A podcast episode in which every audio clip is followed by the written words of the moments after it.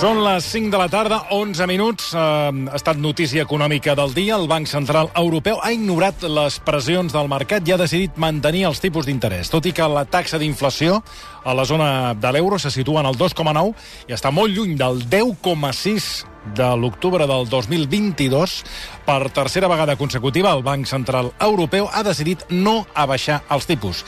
Així ho ha justificat la presidenta Christine Lagarde.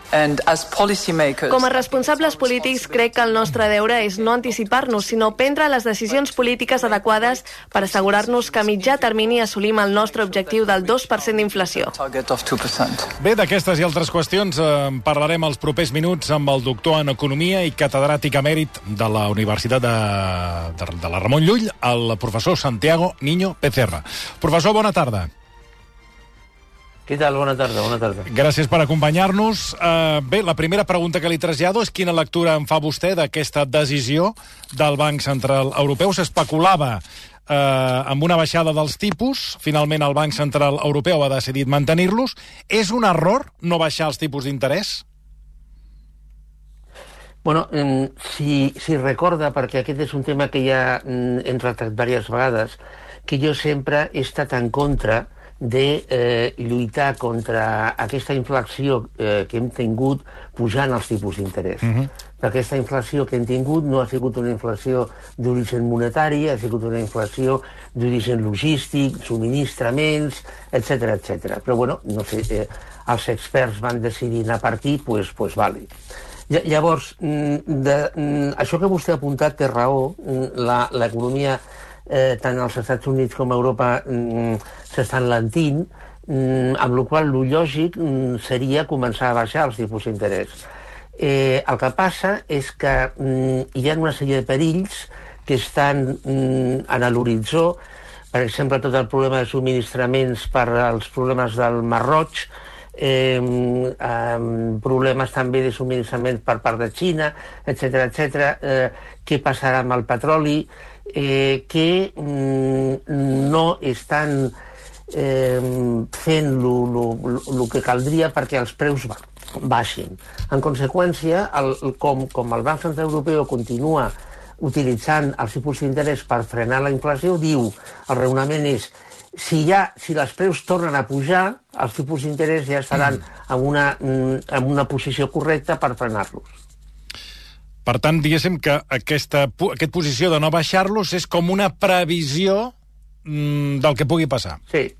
Bueno, doncs... Jo crec que sí. Mm -hmm. Perquè ara per ara el lògic seria començar a baixar-los ja. Mm -hmm. Doncs eh, bé, veurem el, la pròxima revisió dels tipus, a veure què és el que passa. Avui, recordem-ho, el Banc Central Europeu ha decidit mantenir aquests tipus d'interès. Professor, vostè ens volia fer una anàlisi eh, econòmica del trasllat del Gran Premi d'Espanya a Madrid. Diu que aquesta decisió eh, no té res a veure amb la política i que hi ha una pregunta que ningú s'està fent. Eh, quina és aquesta pregunta, professor?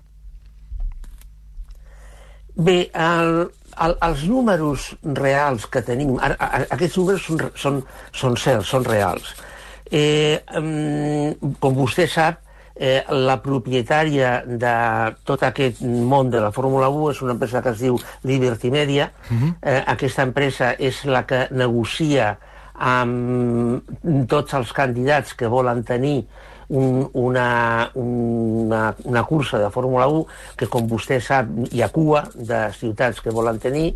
Eh, vostè sap també que el 31% dels ingressos d'aquesta empresa Liberty Media és la promoció de curses, és a dir, la venda de drets per realitzar, per realitzar curses, i el que sabem, i aquests números, torno a dir, són certs, és que mm, Catalunya paga 26 milions a l'any per tenir la cursa del Gran Premi d'Espanya a eh, Montmeló.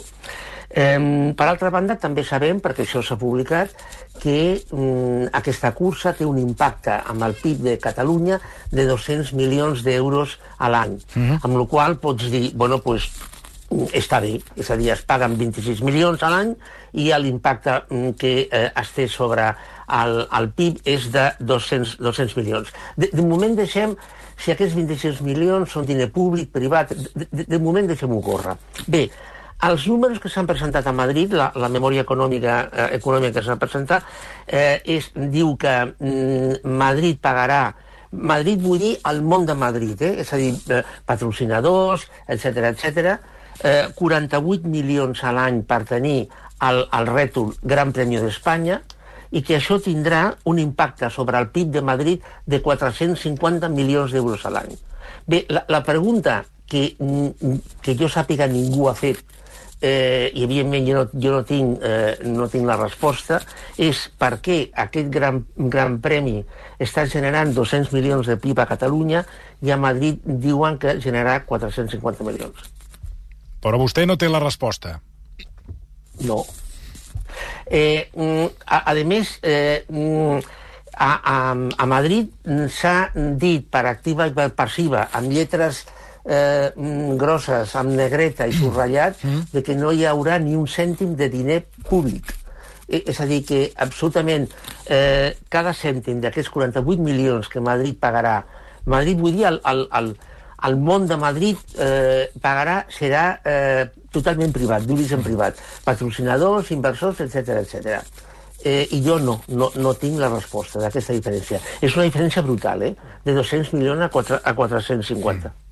Però vostè s'ho creu, els arguments que, que dona Madrid? És a dir, bueno, no, li, li dic, bueno, es, es creu aquestes previsions. Primer, a dia d'avui aquesta inversió la fa IFEMA, que és diner públic, tot i que eh, mm. s'emmascara amb que aquesta inversió serà de patrocinadors privats. De patrocinadors privats sí. a dia d'avui no n'hi ha cap. És IFEMA, no. com també el govern català eh, injecta diners al circuit de Catalunya per tenir la Fórmula 1. És a dir, que a dia d'avui aquesta història, o sigui, aquesta pel·lícula del govern de Madrid no te la creus com pots no creure la d'aquí. I després, eh, aquests ingressos, bueno, eh, sí, sí, és, eh, vostè, o sigui, s'agafa els números que ha fet la Comunitat de Madrid. El que sí que és una realitat és que Madrid doble la proposta econòmica de Catalunya. I és per això que Liberty Media, que no té escrúpols, perquè és una empresa que només vol guanyar calés, agafa i accepta l'oferta de, uh, de Madrid. Tot i que han estat remenant aquí, perquè em consta, eh, uh, diguéssim, en, enredant a més d'un del govern català dient-los que no pateixin, que la cursa es mantindria i encara segueixen amb la pel·lícula aquí a Catalunya. Uh, bueno, si, si, tu, aquí... si tu ets la Comunitat de Madrid i pagues 48 milions i la pagues per 10 anys, perquè el contracte és de 10 anys, vostè es creu que Liberty Media continuarà tenint, tenint voldrà tenir dues curses a Espanya de Fórmula 1? Doncs està, està clar que si bueno. ens paguen el doble, doncs te'n vas... O sigui, tinc la sensació que la pel·lícula està, és blanco i en botella. Ara, la pregunta que vostè no em respon, perquè diu que no la té, és si aquests 450 milions s'hi generaran d'aquesta inversió inicial de 48 milions per Gran Premi? Bueno, Liberty Media, com, com vostè sap, jo ho he dit molt bé, eh, és una empresa que el que vol és ingressar diners, és a dir, i Liberty Media el, té un paper que diu que mm, Madrid, el món de Madrid, li pagarà 48 milions a l'any. Llavors, a partir d'aquí, Liberty Media s'ha cregut eh, o ha dit que s'ha cregut la memòria que ha presentat Madrid de que els ingressos seran, o el, la generació de PIB seran 450 milions. Bueno, aquest és, aquest és un tema. Llavors, l'altra la, la, la, cosa, l'altra pregunta, és si eh, Liberty Media acceptarà que a Barcelona es faci una altra eh, cursa de Fórmula 1 puntuable per al Mundial, mm. que evidentment no es dirà Gran, Premi, Gran Premi d'Espanya. Es pot dir Gran Prix de Catalunya o Gran Prix de l'Europa del Sur o el que sigui. Eh, això dependrà, evidentment, de les expectatives de Liberty Media, perquè, per exemple, vostè sap que a Itàlia hi ha do, dues curses de Fórmula 1 mm. i als Estats Units hi ha tres. Per què? Perquè hi ha mercat. Eh, és a dir, eh, ara Liberty Media ha de decidir si eh, es negoci eh, crear un, una altra cursa mm, puntuable, això és important, eh? puntuable per al Mundial a Barcelona. I si arriba a la conclusió que sí, eh, llavors tindrà de negociar el preu, que poden ser els 26 milions que ara es paga o més. Mm -hmm. O menys. Sí, sí. Bueno, menys segur que no, perquè al ser una empresa bueno. privada, ells el que van és a, a treure el màxim, no? I... Mire, jo, jo, sempre, jo sempre dic el mateix. Mm, algú s'imaginava fa 15 anys que a l'Azerbaidjan tindrien un gran premi de Fórmula 1? No. Ningú. I, i, I avui dia, vostè sap que a l'Azerbaiyán, a Bakú, amb un circuit totalment urbà, hi ha un gran premi de Fórmula 1 puntuable per al Mundial. Per què? Perquè, bueno, el món de l'Azerbaiyán la, ha posat damunt de la taula els diners que li paguen a Liberty Media, punto. A tot això, ara que parlava del que no es, eh, segons Madrid no es gastarà diner públic, a València també van dir que no es gastarien diners públics sí. i les cinc curses que es van disputar van acabar costant a la Generalitat Valenciana 230 milions d'euros. Uh, per tant, veurem finalment qui paga la festa, uh, tot i que, clar, si la festa la paga la gent contenta, doncs uh, no hi ha massa, massa cosa després a, a reclamar. Clar, vostè, vostè abans apuntava, vostè abans apuntava que si, si jo em crec que eh, cada any es generaran 450 sí. milions de, de, clar, a, a, a, a València, per exemple, ja el primer any es va veure que allò no anava. Ja el primer any si no recordo malament, es van fer cinc curses a València. Sí, cinc, cinc. Eh, és a dir, ja, ja es va veure, el primer any ja es va veure que no anava, i el segon ja va ser un desastre. El tercer ja, bueno, ni te cuento, no? Eh, eh, és a dir, bueno, a, això es veurà el primer any. El primer any es veurà què passa a Madrid. Mm -hmm. Es veurà ens hem d'esperar. Ens hem, exacte, ens hem d'esperar fins al 2026. El 26 que mm, entenc que hi haurà doble cursa a Madrid i Barcelona. Sí. És a dir, que hi haurà dues sí, curses la pregunta és la pregunta és com es dirà el Gran Premi de Montmeló. Bueno, que no es digui Gran Premi d'Andorra, bueno, I escolti, aleshores ja hem resolt l'equació. Diners eh, que venen d'Andorra, Gran Premi d'Andorra i podem, i podem tenir el Gran Premi els anys que vulguem amb la marca Andorra. Bé, veurem què passa. Bé, més coses. Eh, professor, el Ministeri de Treball, canviant de tema, s'ha reunit aquest matí amb patronal i sindicats per abordar la reducció de la jornada laboral fins a les 37 i mitja setmanals. La ministra Yolanda Díaz ja ha avisat que aquesta mesura tirarà endavant encara que les patronals no hi estiguin d'acord. El secretari d'Estat de Treball, el Joaquín Pérez Rey, diu que es farà el que calgui perquè la reducció sigui efectiva. que el debate bueno, se plantea yo... en términos amplios. El objetivo es la reducción de jornada, pero se aborda el tiempo de trabajo y se abordan también los instrumentos necesarios para que esto no sea bisutería. Vamos también, les hemos pedido y hemos incorporado a la mesa de diálogo social la modificación del registro horario para que sea eficaz Eh, professor, de cada tres ciutadans eh, està d'acord amb... Eh, ja, dos de perdoni, dos de cada tres ciutadans estan d'acord amb aquest canvi.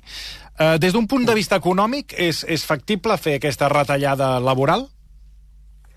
Bueno, a, a veure, mm, jo, jo penso que el que no, no té lògica és mm. que un govern, mm, mm, sigui aquest govern o qualsevol govern, eh, pugui mm, fixar per tot un país una, una jornada laboral. Jo, jo crec que eh, és a dir, que no, això no té sentit, un sentit econòmic, em refereixo. El polític pot tenir tot, eh?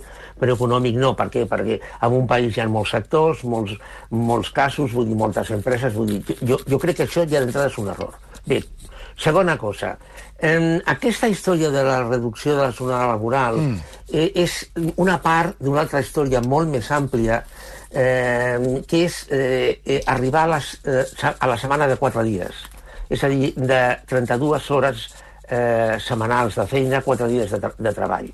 I clar, tot això mm, eh, s'enquadra a dins d'una cosa que vostè sap que passarà aquest any, que són les eleccions europees del 9 de juny. Mm -hmm. És a dir, jo crec que això és part de eh, una certa campanya electoral que, que ja ha començat. Per altra banda, és una cosa molt curiosa perquè eh, la senyora Yolanda Díaz parla d'arribar eh, a 37,5 hores de, de treball a la setmana, quan la mitja d'hores efectivament treballades el 2023 ja van ser 35,5 Eh, és a dir, eh, Comissions Obreres, per exemple, ha dit que aquesta reducció, si es posa en marxa, tindrà un impacte mínim, simbòlic, perquè ja la mitja, torno a dir, ha sigut, ha sigut més baixa.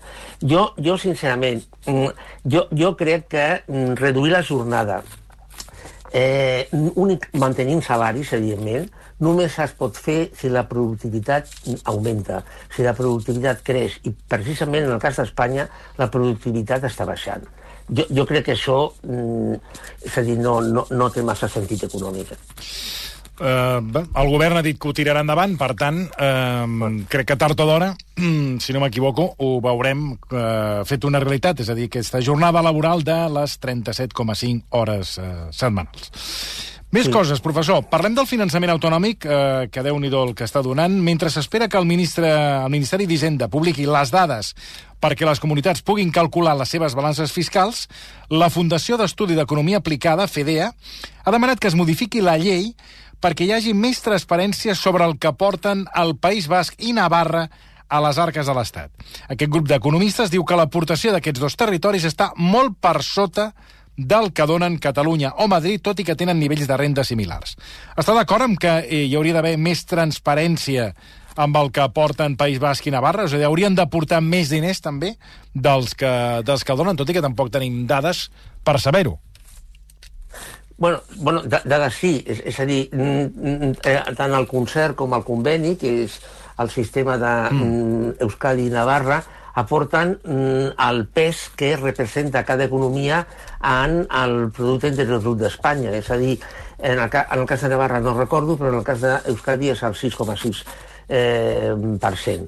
Bé, jo, jo crec que mm, aquesta, aquest regulament, aquest estudi de FEDEA, aquesta posició, aquesta postura, s'ha de començar al, al, mm, a l'inrevés. Eh, és a dir, la, la pregunta tindria de ser eh, la, les eh, comunitats autònomes eh, poden sostenir les competències que se'ls va, trans, que se ha transferit? Perquè jo recordo que eh, el primer govern d'Aznar va obligar a Aragó a acceptar la competència de sanitat perquè Aragó no la volia. Mm -hmm. I per què no la volia Aragó? Perquè va arribar a la conclusió que no la podia finançar correctament. Mm -hmm. eh, és a dir, la, torno a dir, eh, la, la pregunta és eh, la, les, les regions, les comunitats autònomes, tenen transferides una sèrie de competències. Eh, to, aquestes competències són sostenibles per les comunitats autònomes, per part de les comunitats autònomes? Perquè, per exemple, Extremadura està arribant, està arribant més o menys, eh? cada any el 17% del seu PIB, Astúries el 14%, eh, Galícia el 8%, etc etc. És a dir, mm, ens estem fent trampes al solitari. Eh, perquè mm, si es reestatalitzessin mm, el, algunes competències que tenen algunes comunitats autònomes, igual, igual els números quadrarien, mm, mm, quadrarien millor. Eh, eh, eh, és a dir, jo, jo l'única cosa que sé és que mm, Euskadi i Navarra, eh, eh, ara per ara, estan tancant mm, les seves comptes eh, de forma correcta. A, a, això significa que aquest sistema, des d'un punt de vista eh, operatiu funciona. Mm, a, a més, jo recordo que eh, mm, si tenen problemes, tant mm, Euskadi com Navarra no poden posar la mà. Eh, és, és a dir, eh, que cada padlo aguante su vela. Eh, és a dir, que han de, han de eh, mm, tenir el que, o han de suportar el que, el que, el que tenen. No? Llavors jo, una vegada fet aquest estudi de sostenibilitat o finançament de cada competència, llavors es tindria de veure, de veure cada, cada finançament. Llavors sortiria una altra vegada, que, que vostè ja em va dir en el seu moment que era l'únic que parlava d'això, ara sembla ser que parla més gent eh, més persones parlant d'això. És el dèficit fiscal internacional mm. que té Catalunya. Mm. No sé, eh, suposo que no sé que tard o d'hora amb aquestes converses govern català, govern espanyol, potser algun dia ho, ho tornaran. Que, per cert, es va parlar de la publicació de les balances fiscals, però ves per on, finalment el govern espanyol no sí. les publicarà, sinó les dades sí. eh, les donarà a cada comunitat perquè en facin els seus càlculs. Per tant, aquí bueno, cada comunitat explicarà la seva pel·lícula i estem a les... O sigui, per tant, no hi haurà un òrgan que digui si això és... És a dir, si, una, si uns números són els correctes o no correctes, perquè eh, és allò que deia vostè, que la, la, los números se tuercen hasta que te dan eh, sí. el, el resultado que tu quieres, ¿no? Pues si fa no fa, sí. crec que les comunitats faran això. Bé, eh, la, la gran pregunta és si s'hi acceptarà. Mm, I poso un exemple. A l'IDESCAT, cada any, eh, fa una estimació de, les balança, de la balança fiscal de Catalunya. Mm. Eh, és a dir, jo no sé si altres comunitats ho fan. L'IDESCAT aquí a Catalunya ho fa. Eh, i, i llavors mm, s'acceptarà perfectament el que digui l'IDESCAT. I si s'accepta eh, això, s'acceptarà altres estimacions que ha fet d'altres anys. En segon lloc, Bueno, a mi no em sembla malament que cada comunitat mm, publiqui les seves balances. Si després hi hagués un òrgan que, evidentment, fes una censura de comptes d'aquests càlculs. Eh, I és el que no se sap si passarà o no passarà. Ja. Professor, més coses. Eh, parlem del, del lloguer perquè un portal especialitzat en temes immobiliaris ha pronosticat que aquest 2024 serà l'any del lloguer residencial que creixerà, eh, sobretot exponencialment, en el lloguer d'habitacions. Sempre s'ha dit que, com a màxim, haurien de destinar l'habitatge al 30% dels ingressos totals, però, eh, segons aquest portal, mm, el lloguer serà eh, prioritari per molta gent. La pregunta és per què hi haurà aquest increment de lloguer habitacional? Bueno, pues, bàsicament per dues raons. Perquè el mm, preu del lloguer mm, està creixent, està augmentant, eh, i, bueno, i totes les expectatives apunten a que creixerà més perquè l'oferta, evidentment, creixerà més, menys que la demanda, eh, i per altra banda no hi ha una política pública de vivenda de lloguer, i en segon lloc perquè les rentes, eh, mm, sobretot del, col·lectiu jove, estan totalment estancades o mm, eh, retrocedint en poder adquisitiu. Llavors, eh, l'única via que queda és el lloguer de, el lloguer d'habitacions. No, no, no, no, no queda una altra. Eh, a més, està passant, mm, almenys en l'àrea de Barcelona, està passant una, un fenomen mm, que realment és molt preocupant. En proporció amb la, amb la corona mm, que envolta Barcelona, el preu del metre quadrat de lloguer en proporció, eh? està creixent més que Barcelona. Eh, això què significa? Això significa que eh, persones que no, eh, bueno, no podien pagar un lloguer a, a Barcelona s'estan anant fora, eh, amb la qual la demanda fora eh, està augmentant i, i l'oferta, pues, igual que a Barcelona, no està augmentant, amb la qual clar, és una situació realment mm, bueno, molt, molt perillosa. Molt. Um, anem amb la immigració, qüestió que darrerament a nivell polític uh, genera ja molts, uh, moltes uh, discussions i que serà l'eix de la campanya no només a les europees, sinó en les properes eleccions. Professor, segons càlculs de la Generalitat, entre els anys 2023 i 2043 s'incorporaran al mercat laboral 1,6 milions de persones i se'n jubilaran més de 2,2 milions. És a dir, que hi haurà un buit segons aquests càlculs, de 600.000 llocs de treball que es podrien cobrir amb la immigració. Eh, vostè ens vol explicar com s'ha resolt aquest problema, de la, en aquest cas, eh, aquesta manca de, de personal eh, amb la immigració a Andorra. Qu quina ha estat la, fi, la metodologia que han utilitzat? Bueno, Andorra és un país que, que a més, és que el tenim aquí al costat, no està a l'altra punta del món. Andorra és un país que el tema de la immigració eh, el van resoldre fa moltíssims anys. L'eix eh, de, de la immigració a Andorra eh, consisteix en vincular contact, contracte de treball i permís de residència. És a dir, un, un, el, el, el contracte de treball bàsicament és de mm, tres tipus eh, un és per temporada, o hivernal o estiuenca, un altre és en, per temps indefinit, eh, i un, un altre és per projecte, és a dir, un, un enginyer se li contracta per eh, dirigir la construcció d'un pont, que, bueno, en principi durarà mm, dos anys i mig, i, i, és a dir, que no és ni, ni per temporada ni in, indefinit.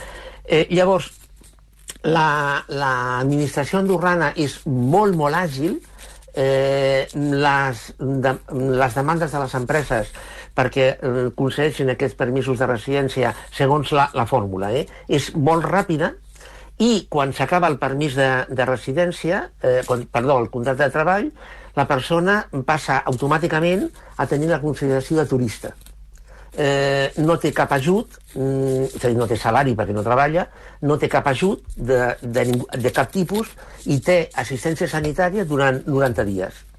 Eh, clar, què és el que passa?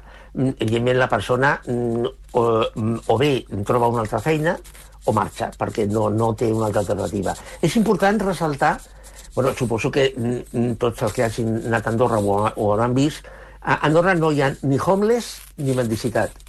Eh, és a dir, que aquesta, aquesta dinàmica mm, funciona.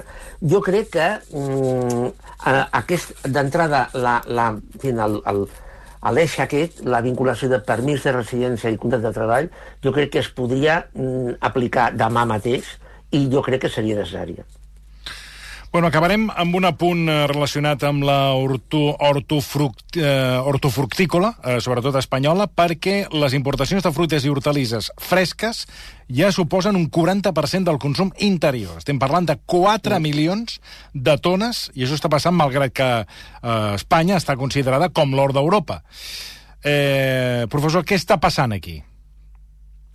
Bueno, pues, a veure, el que, el que està passant són dues coses en primer lloc, que eh, a altres països eh, del nord d'Europa o del centre d'Europa, penso a Països Baixos, etc etc, eh, durant anys han invertit moltíssim en tecnologia agrària eh, i mm, ara han aconseguit eh, tenir rendiments mm, més alts del que, dels que tenen països com Espanya. Mm, exemple, els coombres. A Països Baixos és un, un lloc on es consumeixen moltíssims cogombres. Eh, fins fa 10 mm, anys, eh, Països Baixos era un importador net de cogombres. Avui dia, Països Baixos exporta cogombres. Mm, això ho han aconseguit a base de eh, tecnologia, a base d'inversió. Aquesta és una via. La segona via és deslocalitzar produccions agràries uh mhm. -huh. eh, a països molt més barats, eh, amb costos més baixos, amb legislació me medioambiental més feble, eh, amb països on els sindicats tenen molt, molt menys força, com pot ser el Marroc. Eh, moltes produccions d'Andalusia, per exemple, eh, ja fa anys que es van deslocalitzar a, al Marroc. I eh, al Marroc, jo recordo que amb una sèrie de productes, el tomàquet és emblemàtic, però hi ha més, tenen una sèrie d'acords amb la Unió Europea, amb la qual Marroc, el Marroc pot col·locar amb eh, arancel zero, pràcticament zero, aquests productes que, evidentment, incrementen l'oferta. Bueno, mm, què, què ha passat? Bueno, mm, vostè ha dit que eh, Espanya mm, és l'or d'Europa. Jo crec que Espanya era l'or d'Europa. Però a Espanya, concretament, només hi ha una zona que agafa al, al sud d'Alacant, Múrcia, eh, eh, principis d'Almeria, eh, on sí que hi ha una, una agricultura mm, de mm, molt alt valor afegit eh, i molt tecnificada, però, però la resta, en la resta d'Espanya jo crec que ha deixat ja de ser l'or d'Europa. Doncs veurem quines conseqüències comporta eh, aquesta no, no posada al dia del que és l'or d'Europa. Professor, ja. moltíssimes gràcies. Molt bé, bona tarda Gra i gràcies a vostès. Gràcies al doctor en Economia i catedràtic emèrit de la Universitat Ramon Llull, professor Santiago Niño Becerra. Tot això vostè, senyor Virgili, que l'estic mirant fa estona, sí. vostè hauria, a banda, a banda de dormir, de fer la becaina... Sí, que no, no, no, que he estat molt... Sí, no, no, ja l'he vist que ha fet una, una bona... Ha fet uns cops de cap a televisió, eh? Bueno, perquè no, perquè... No dissimuli. Vostè hauria de ser influencer. És o no? Eh? Jo crec que ho petaria, Vostè, com a influencer, sí, sí. ho petaria. Segur, eh? I miri, fer, doncs, eh, tot seguit la Xinxó li explica ah, perquè avui ha començat la primera escola ah d'influencers. I vostè és que, oh. és que té aquest traç d'influencer. Ara, sí, vostè seria sí. un influencer. A quin públic? A quin públic? Doncs és el que hem d'acabar d'aclarir. Bueno, ja, ja, ho trobarem, ara, ja, ho trobarem, ara ho trobarem. Ja ho trobarem.